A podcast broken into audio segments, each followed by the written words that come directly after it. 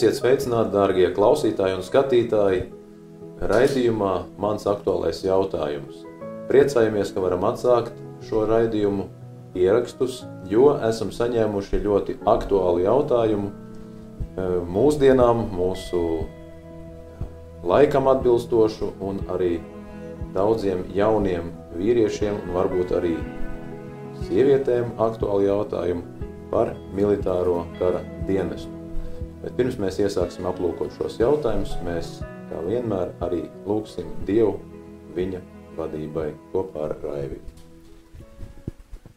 Mīļais debesu Tēvs, pateicība Tev par šo iespēju, ka mēs varam sanākt kopā. Un pāri visam pateicība Tev, ka Tu esi ar savu žēlastību mūs vadījis līdz šim un arī, ka tu esi dāvājis savu vārdu, kurā mēs varam smelties atziņas, pamācību un arī gudrību no augšienes, ko tu vēlēsi dāvāt cilvēkiem, un kur mēs varam saprast tavu gribu, arī tavus plānus un arī tavu padomu, kā cilvēkiem dzīvot.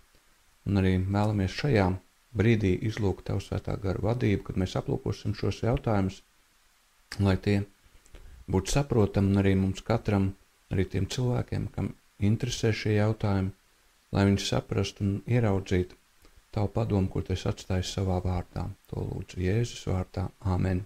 Amen. Amen. Mūsu klausītājs ir uzdevis jautājumu par obligāto militāro dienestu, kas ir kļuvis ļoti aktuāls e, šī laika situācijā, notikumos, kas risinās no šā gada februāra.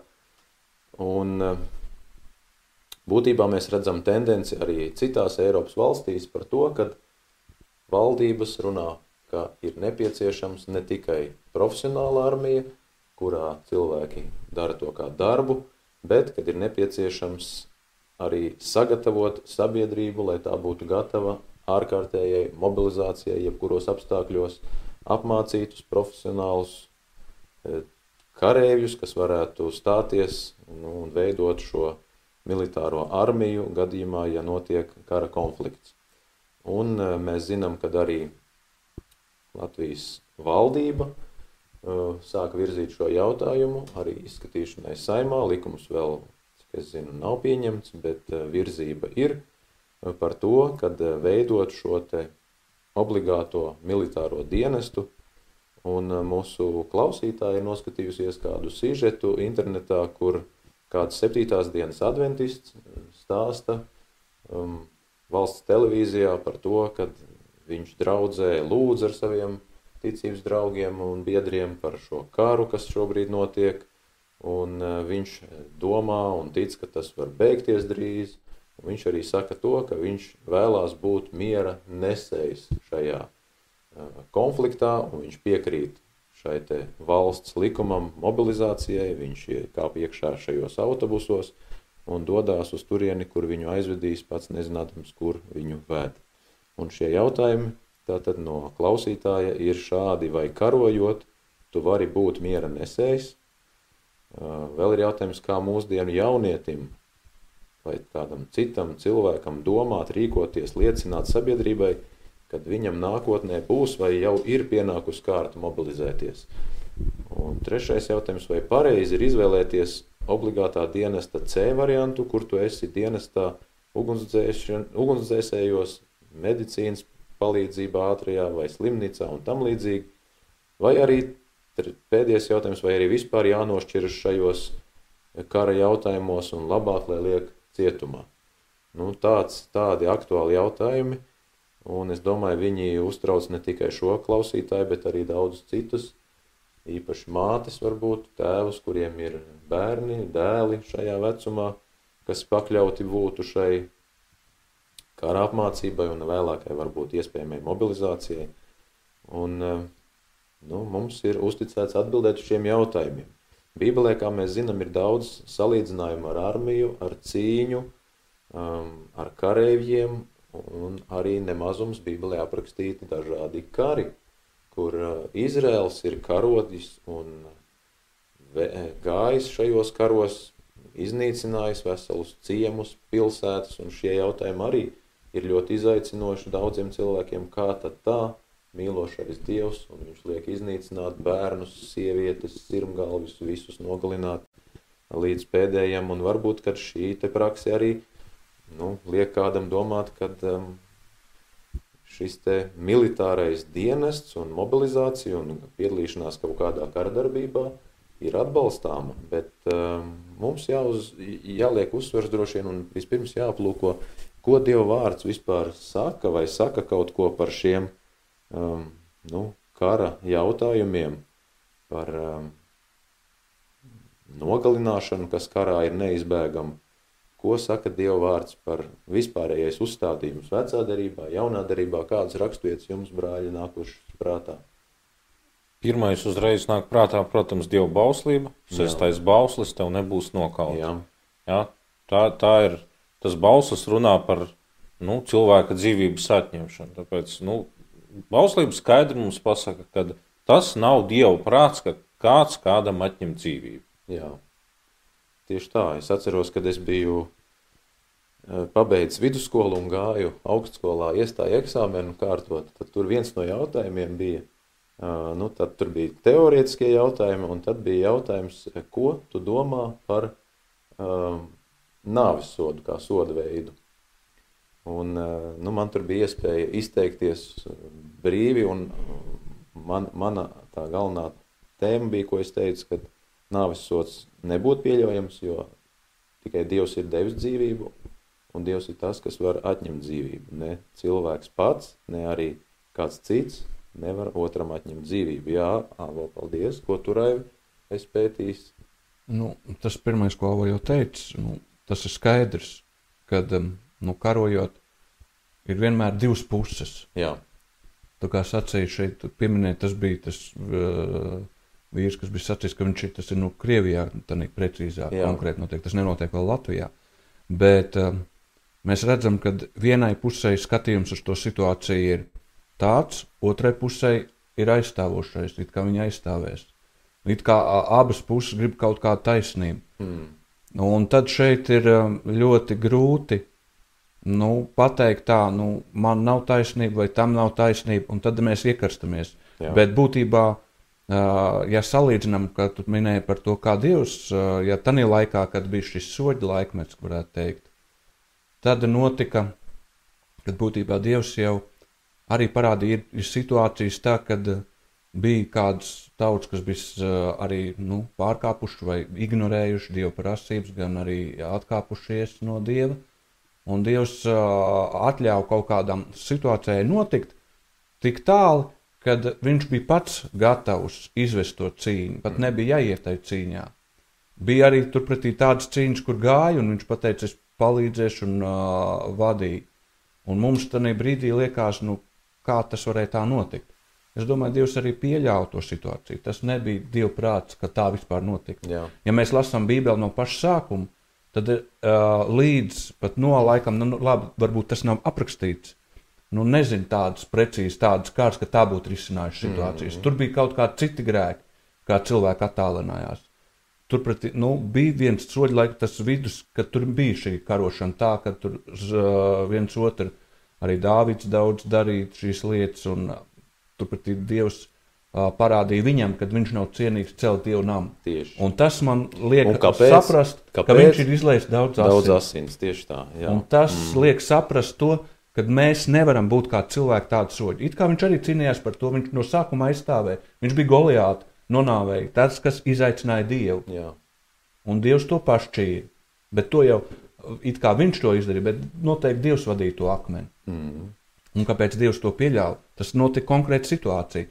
Un ja mēs tā sākam analizēt tās situācijas, ja cilvēki pieņem to lēmumu, tas nevienmēr ir pareizākais. Mm. Un tad izvēršas, kāpēc vispār šie kāri izveidojās. Tie ir pār, dažādi pārpratumi uh, dēļ egoismu vienmēr. Vai nu kā teritorija grib iekarot, vai Jā. kaut ko atņemt.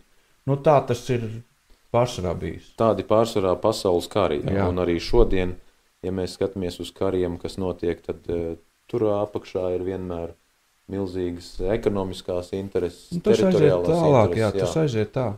Un tas Bet... arī sātančā būtībā jau iesāk kāru mm. debesīs. Nu, arī tāds minēts, jā, nu, iesākās karš debesīs. Kaut. Nu, tas, kā to tur saprast? Tur arī šī cīņa par, um, nu, par pielūgsmu bija. Mm.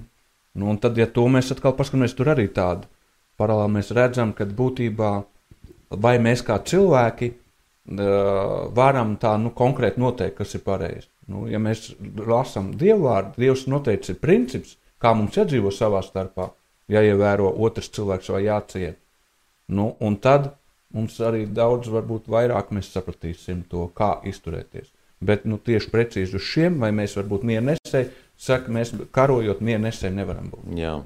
E, Būtībā tu atbildēji uz šo jautājumu pastarpināto ja pa tiem kariem, jo tie kari, ko Dievs uh, lika savai tautai izvest, tur, kur Dievs bija sacījis, ejiet, iznīciniet.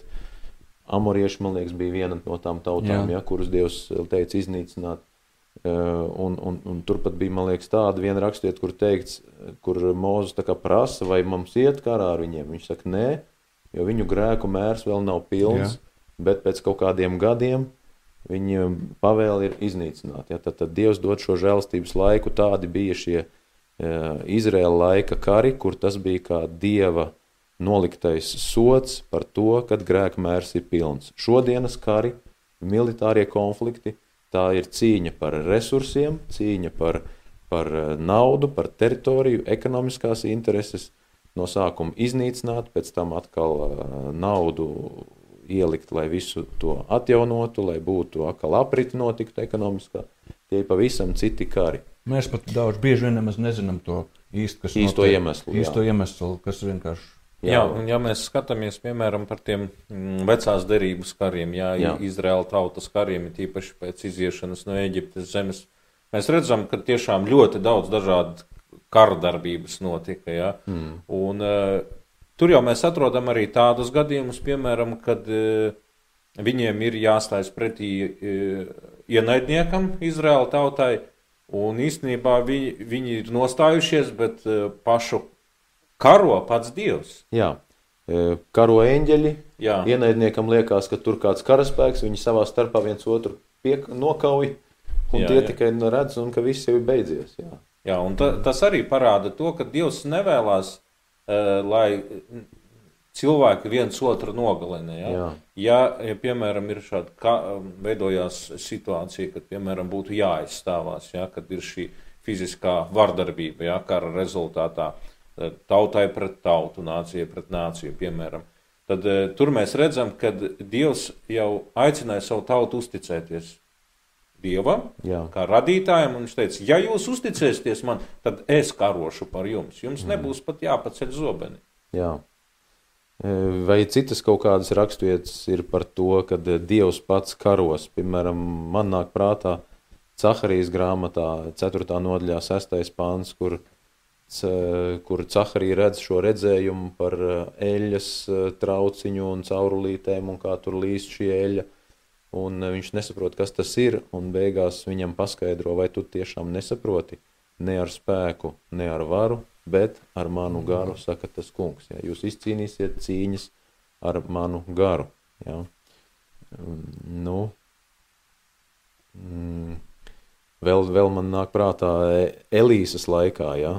kad uh, viņa kalps atskrien un saka, ko nu darīsim, šausmas, tur karaspēks nāka tik un tik tiem zirgiem. Elīs mierīgi viņam pasaka, neuztraucies. Jo, Nu, viņš redz, saprat, uzticējās Dievam jā, un redzēja kaut ko pavisam citu, un, un, ko viņ- viņš neredzēja. Un viņš lūdz lai, Dievu, lai Dievs atver tam mm. -hmm. kalpam acis, un viņš tad saka, to, kas ar mums ir vairāk nekā to, kas pret mums, un, un viņš redz eņģeļu stāvu pilns karaspēks.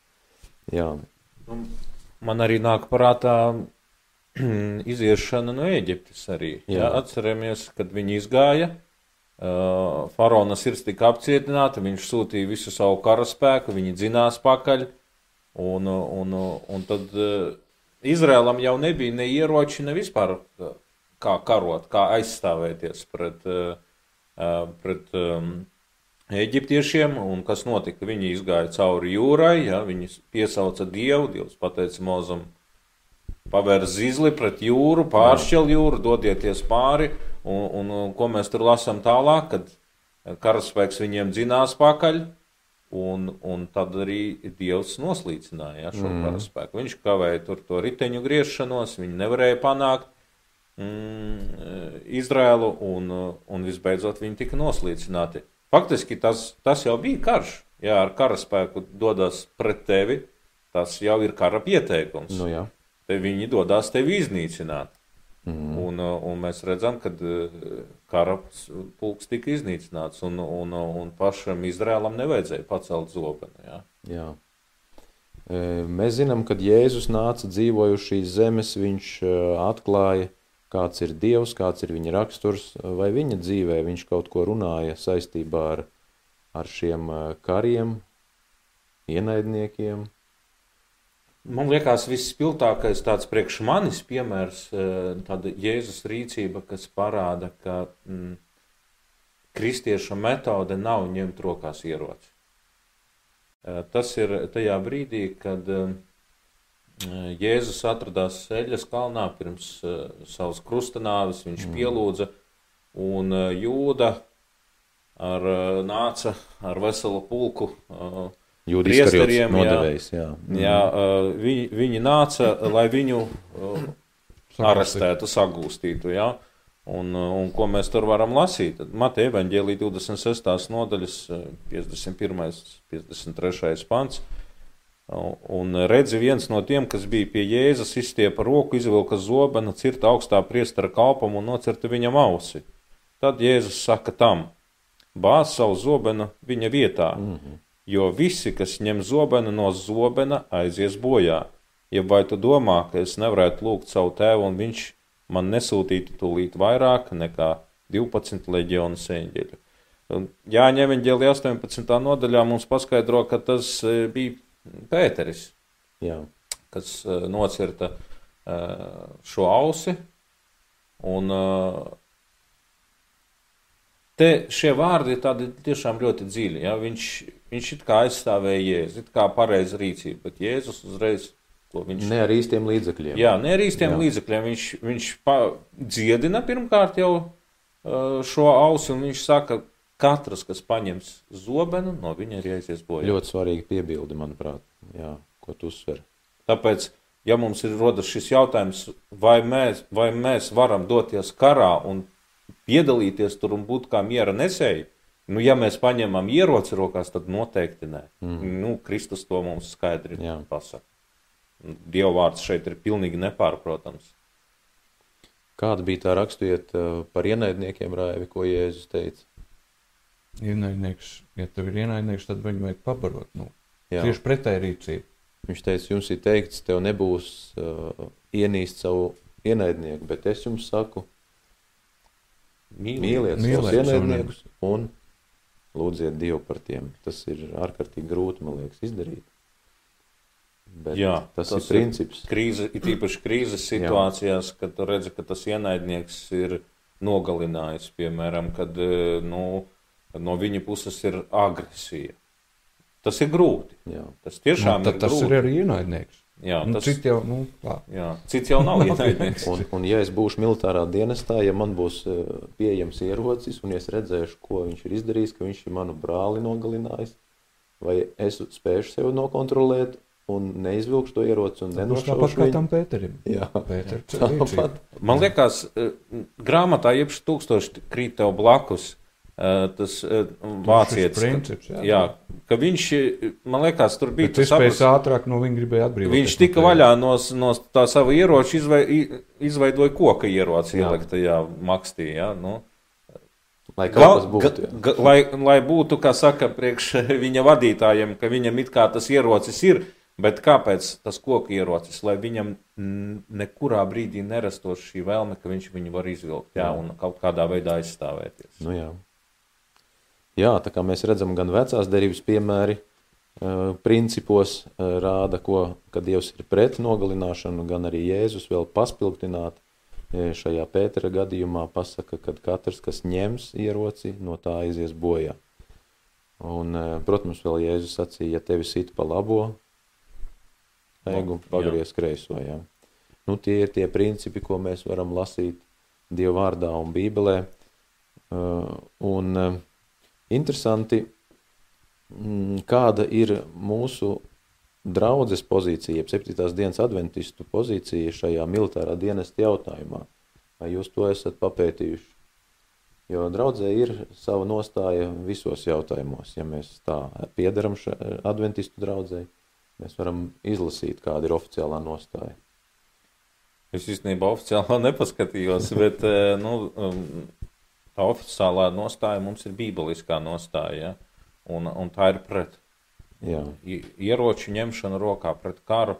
Un, un ziniet, priekš manis e, nu, tāds dzīves piemērs ir. Mm. Kadreiz bija tāds e, sludinātājs Leonards Šarīpovs jau diezgan daudz gadus.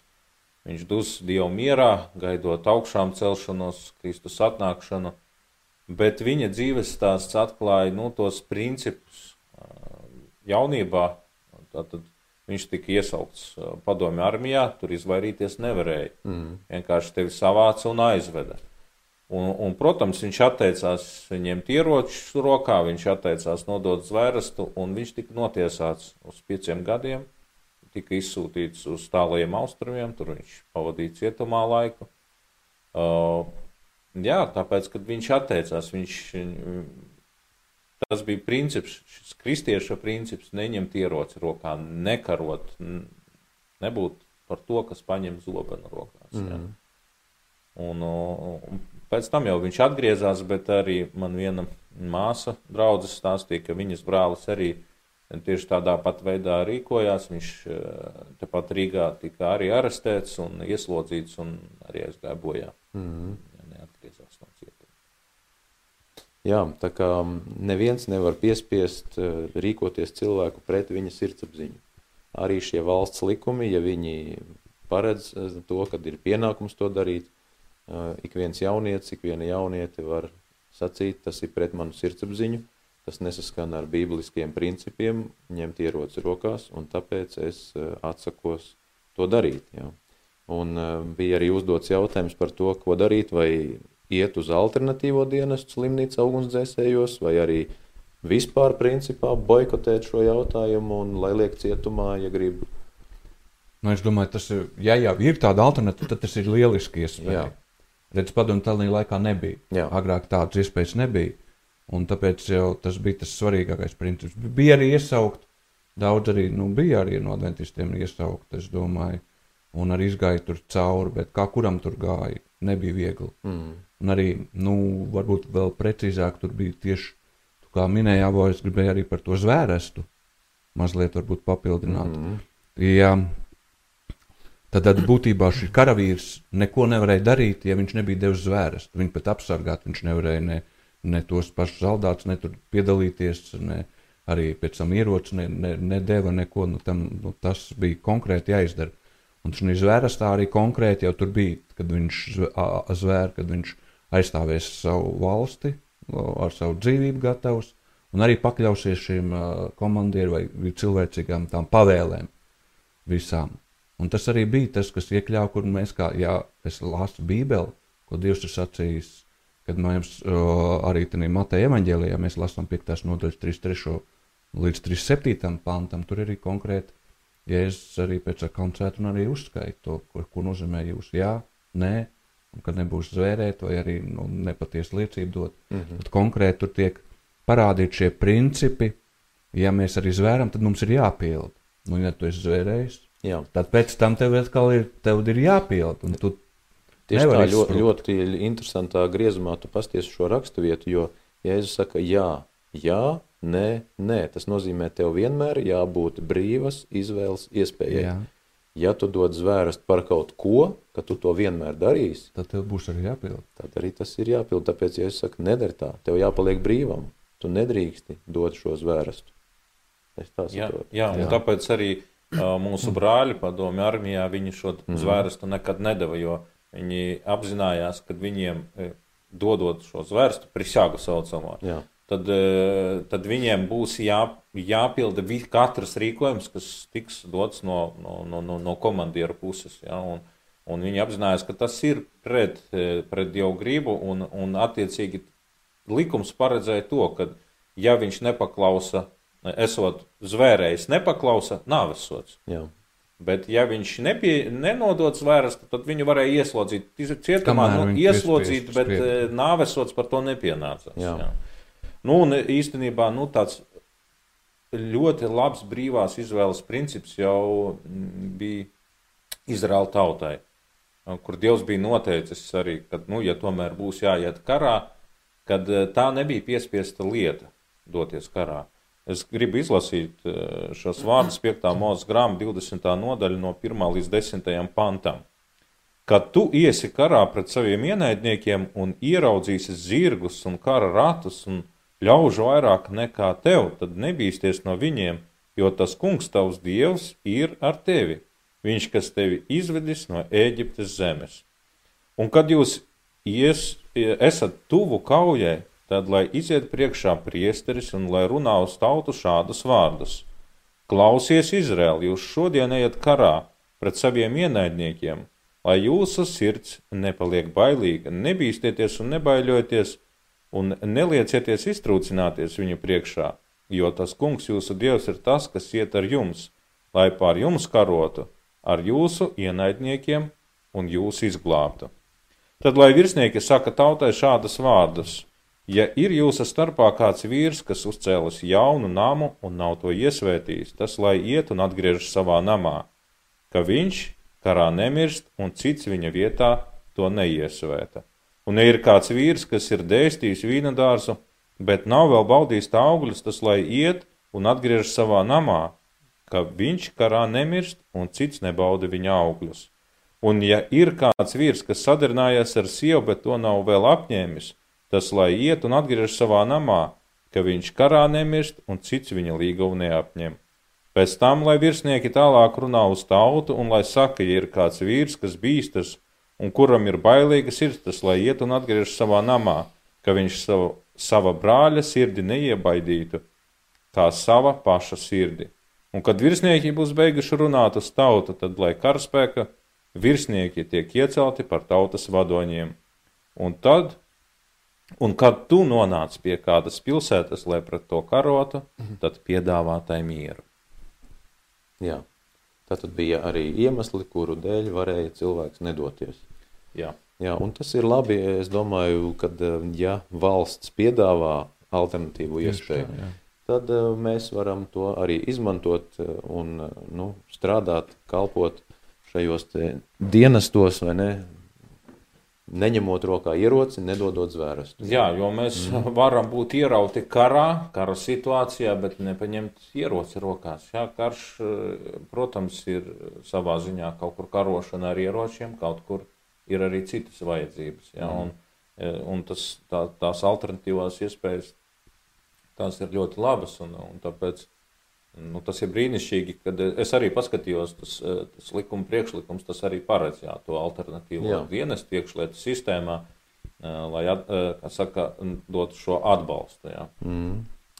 jā nu, atgriežoties pie draudzes oficiālās nostājas, īsumā viņa ir tāda, ka mēs kā pasauli plašu ticīgo kopiena – Zinām, ka adventisti ir vairāk kā 200 valstīs pārstāvēti un dažādas kultūras, dažādas vides, bet nostāja ir viena. Mēs atbalstam tikai neapbruņotu cīņu. Mēs nevaram atbalstīt bruņotu cīņu, iesaistīšanos bruņotā cīņā, bet tas ir katra cilvēka ticības un sirdsapziņas jautājums. Tas nav ticības jautājums, kura dēļ var, teiksim, cilvēks tiks atskaitīts no draudzes, ja viņš nolem iet kaut kādā veidā iesaistīties militārajā dienestā. Un eh, mēs kā draudze, mēs sniedzam atbalstu tiem, kas uh, ir iesaistīti militārajā dienestā kaut kādu iemeslu dēļ, jebkādā veidā. Jo mēs zinām, ka militārā dienestā tu vari iesaistīties dažādos veidos. Vari būt kā aktīvs karavīrs, tu vari būt medicīnas darbinieks karaspēkā, nevis alternatīvajā dienestā slimnīcā, tas kaut kas cits. Bet, kad tu esi karaspēkā, vari būt kapelāns, ja? kas vēl? Vai būt rezervē, teiksim tā, ja? apmācīts un esošs rezervē, gatavs mobilizēties jebkurā laikā. Un varbūt nobeigumā mums vajadzētu aplūkot, tomēr vēl, mēs jau minējām dažus izaicinājums, bet kādi izaicinājumi var būt tiem, kas tomēr varbūt kaut kur sliecās un uzskata, ka savu, savu zemi jāizstāv, jābūt gatavam, jāiet un jāapmācās eh, tajās kara mākslās. un kuram ir šāda nosliec, kā arī šim eh, sižetā pieminētajam vīrietim, eh, kādi var būt izaicinājumi, kas mums būtu jāpiemina. Mēs jau minējām zvērests, tas ir pret Jēzus mācību, ja? Nogalināšana pret Dievu bausli, Ierocis. bet viņš teiks, labi, es neņemšu ierocis, būšu miera nesējs, bet uh, ejot dienestā, tur ir jādod šis zvērests. Jā. Tā ir noteikta organizācija, kurā tu nevari būt kaut kāda baltā vārna, nenodod uz zvērestu.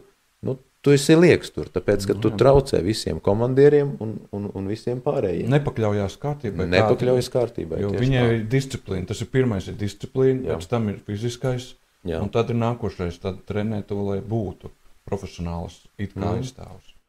Šī struktūra, ja militārais dienests, viņi nevar pastāvēt, ja ir brīvdomātāji. Jā. Jā, tā ir. Tur ir jāpakļaujas un, un, un, un, un šai kārtībai jābūt. Un interesanti, ka šī kārtība attiecās arī uz tiem, kas ir mediķi militārajā dienestā. Es to nezināju, bet pētot šo jautājumu, piemēram, es uzzināju, ka mediķis, kas ir nu, nevis slimnīcā, bet teiksim, armijā, viņam ir jāsniedz pirmā palīdzība pirmām kārtām tiem pēc kara likumiem, kuri var visātrāk atgriezties atpakaļ kaujas laukā. Nevis tam, kas tur mirst, kam ir kāja norauta, acis iz, iz, izšautas vai vienalga kas. Tie nav derīgi vairs karošanai. Pirmais, tie, kas atkal var būt tur, kur viņus atkal virsnieks nokomandēs, kas viņiem jādara, uz ko jāšauj. E, par kapelāniem runājot, liekas, o, cik cēli es būšu kapelāns militārajā dienestā. Bet kapelāns, viņš nevar sludināt šīs mācības, par kurām mēs runājam. Tev nebūs nokaut e, mīli savu ienaidnieku. Viņu izdzīs no tā dienesta viens, divi. Viņam ir jāsludina tikai tas, kas saskan. Viņam ir jābūt kā uzkurinātājiem, kas uzkurina cilvēkus, tagad nu, atbalsta viņus. Jā, tu ej un darbojies, un, un viņam ir, viņš nedrīkst sludināt pilnu patiesību, pilnu evaņģēliju.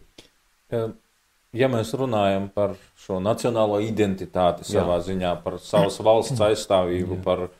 Um, jā, kaut kur tā ir jābūt, bet mums kā kristiešiem ir jāatcerās, ka mūsu piederība ir debesis. Mm. Ja?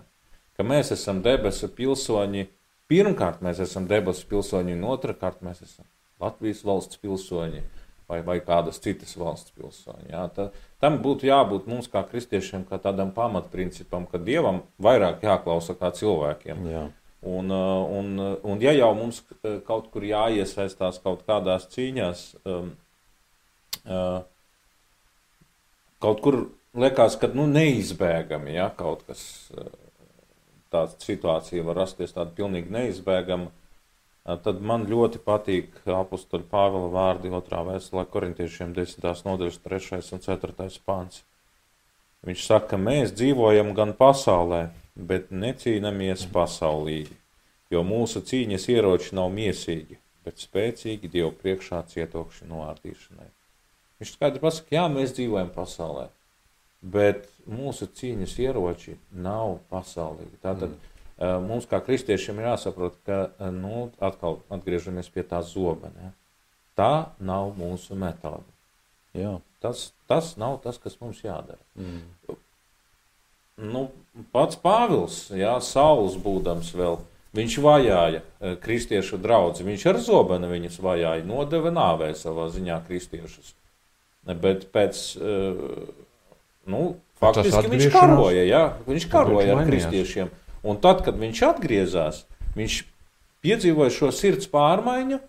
Un, un, un, un viņš saprata, ka viņš tagad ir Dieva kalps, ka viņš saprata, ka tas uzdevums ir darīt par mācekļiem visas tautas, tās kristītiem tēva dēla un svētā gara vārdā. Un tas, tas runā par cilvēka vešanu pie dzīvības, nevis dzīvības atņemšanu kādam Jā. cilvēkam. Un, kad viņš bija atgriezies, viņš labprātīgi devās cietumā un teica, es ar prieku ciešu važas eh, Kristus dēļ. Jā, Jā.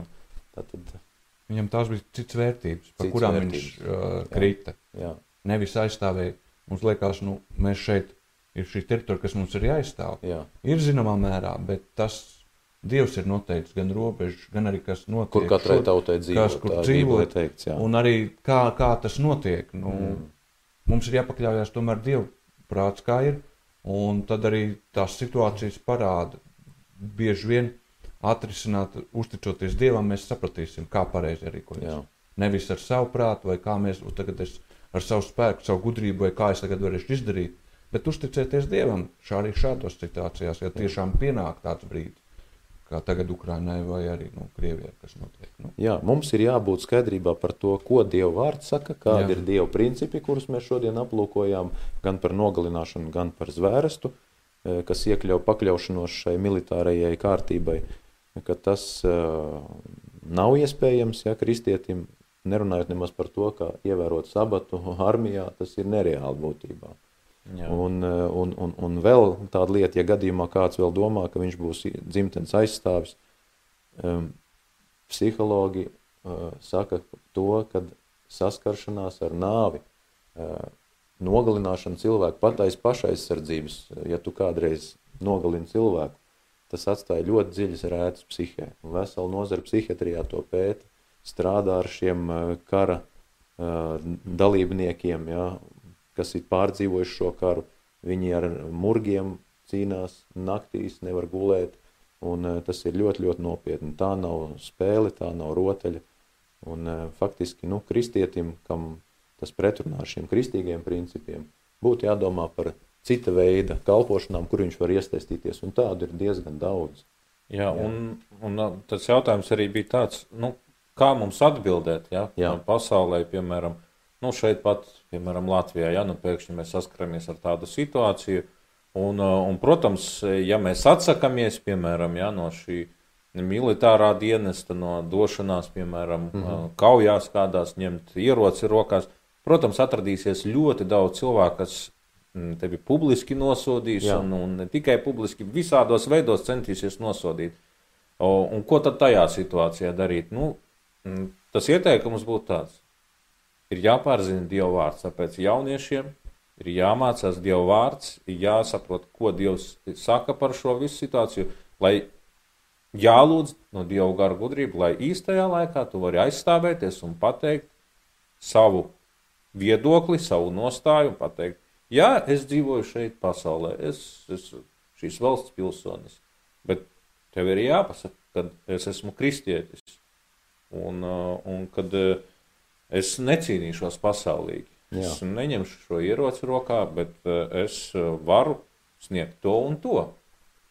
Visi cilvēkam ir jāizskaidro. Ja jau viņš tev prasa par kaut ko, tad nu, ir jāmāk viņam paskaidrot. Nu, jā. jā, slava Dievam un paldies par šo jautājumu, kas to uzdeva. Un Ceram, ka arī jums būs vēl jautājumi, ko uzdot, aktuāli jautājumi saistībā ar, ar uh, situāciju, kas ir pasaulē, kas notiek Latvijā. Un uh, beigās mēs arī noteikti lūksim par visām mūsu uh, ģimenēm, kas varbūt ir varbūt pakļautas šim jautājumam, lai Dievs dod gudrību, lai Dievs dod arī spēku pastāvēt par to, kas rakstos teikt, pamatot savu nostāju uz rakstiem un būt gataviem atbildēt par savu ticību, kā, kā, kā Pāvils reiz teica. Un uh, nobeigumā varbūt no jūdas vēstules pirmās nodaļas trešais pāns, lai, lai pavada mūsu un arī visus klausītājus mīļie. Tā kā man ļoti rūpēja jums rakstīt par mūsu kopējo pestīšanu, tad sirds mani spieda jūs pamācīt, turpināt cīņu par to ticību, kas svētajiem reiz uzticēta. Nu, tas būtu tāds novēlējums par to, ka mums ir cita cīņa, cīņa pret grēku, cīņa par šo te svētapšanu, svētošanos, cīņa par to, lai mēs būtu savienībā ar Kristu, ar savienībā ar Tēvu, un tad arī šīs atbildes mēs zināsim, kā sniegt, ko teikt, un Dievs izmantos mūs par liecību tiem, ar kuriem būs jāsaskarās šajos jautājumos. Un nobeigumā tātad mēs pielūgsim Dievu kopā ar Tevi, Āvo, un aizlūdz arī par šīm ģimenēm un jauniešiem, kam tas stāv priekšā. Mūsu godības un mīlestības pilnais kungs, mēs pateicamies, ka mums ir pieejams Tavs dzīvais vārds, kur ir atrodams liecības par to, ko mums darīt dažādās dzīves situācijās. Mēs pateicamies, ka šodien arī varējām izpētīt šo tematu par došanos karā, par ieroču ņemšanu rokā Un pateicamies, ka tavs vārds arī mums atklāja, ka tas nav tavs prāts, tā nav tava grība. Un pateicamies, ka tu arī savā likumā tu esi nopamatojis, ka mm, atņemt cilvēkam dzīvību tas ir grēks. Un pateicamies, ka savā vārdā tu mūs visus aicini uz mieru un mīlestību. Godības pilnais kungs, mēs lūdzam, lai šīs atbildes, ko mēs esam svētā gara vadībā meklējuši un snieguši mūsu klausītājiem, lai tās uzrunā klausītājas sirdis, lai tās e, viņus vada tuvāk pie tevis un pie dziļākas tavu vārdu izpētes. Mēs īpaši lūdzam par mūsu brāļiem un māsām, par visu kristiešu saimi, par tiem, kuriem tu esi uzticējis nest pasaulē evaņģēliju lai tu katru svētī, lai tu katru uzturi un palīdzi katram saprast to ceļu, kas mums ir ejams līdz tavai atnākšanas dienai. Jo mēs zinām, ka mēs dzirdēsim karus un karu daudzināšanu līdz pat tavai atnākšanai. Tādēļ mēs lūdzam, lai mūsu sirdis ir pilnīgi nodevušās tev. Mēs lūdzam par katru jaunieti, par to, kas varbūt tik, ir šajā grupā, kas var tikt iesaukti, lai Tu viņiem dod skaidru sirdis un skaidru tavu vārdu izpratni. Mēs lūdzam par vecākiem, kuri jau šodien ir satraukušies par to, ka viņu bērni var tikt iesaukti dienestā. Kungs, dotu viņiem mieru un savu žēlastību un pilnīgu uzticēšanos tev, ka tu sargāsi katru vienu, ja viņi piesaugs tevi un uzticēsies tev un ies to ceļu, ko tu esi nospraudis. Mēs pateicamies, Kungs, par uzklausīto lūgšanu un mieru, ko Tu mums dod. To lūdzam, mīļā pestītāja, Jēzus Kristus vārdā. Āmen! Āmen.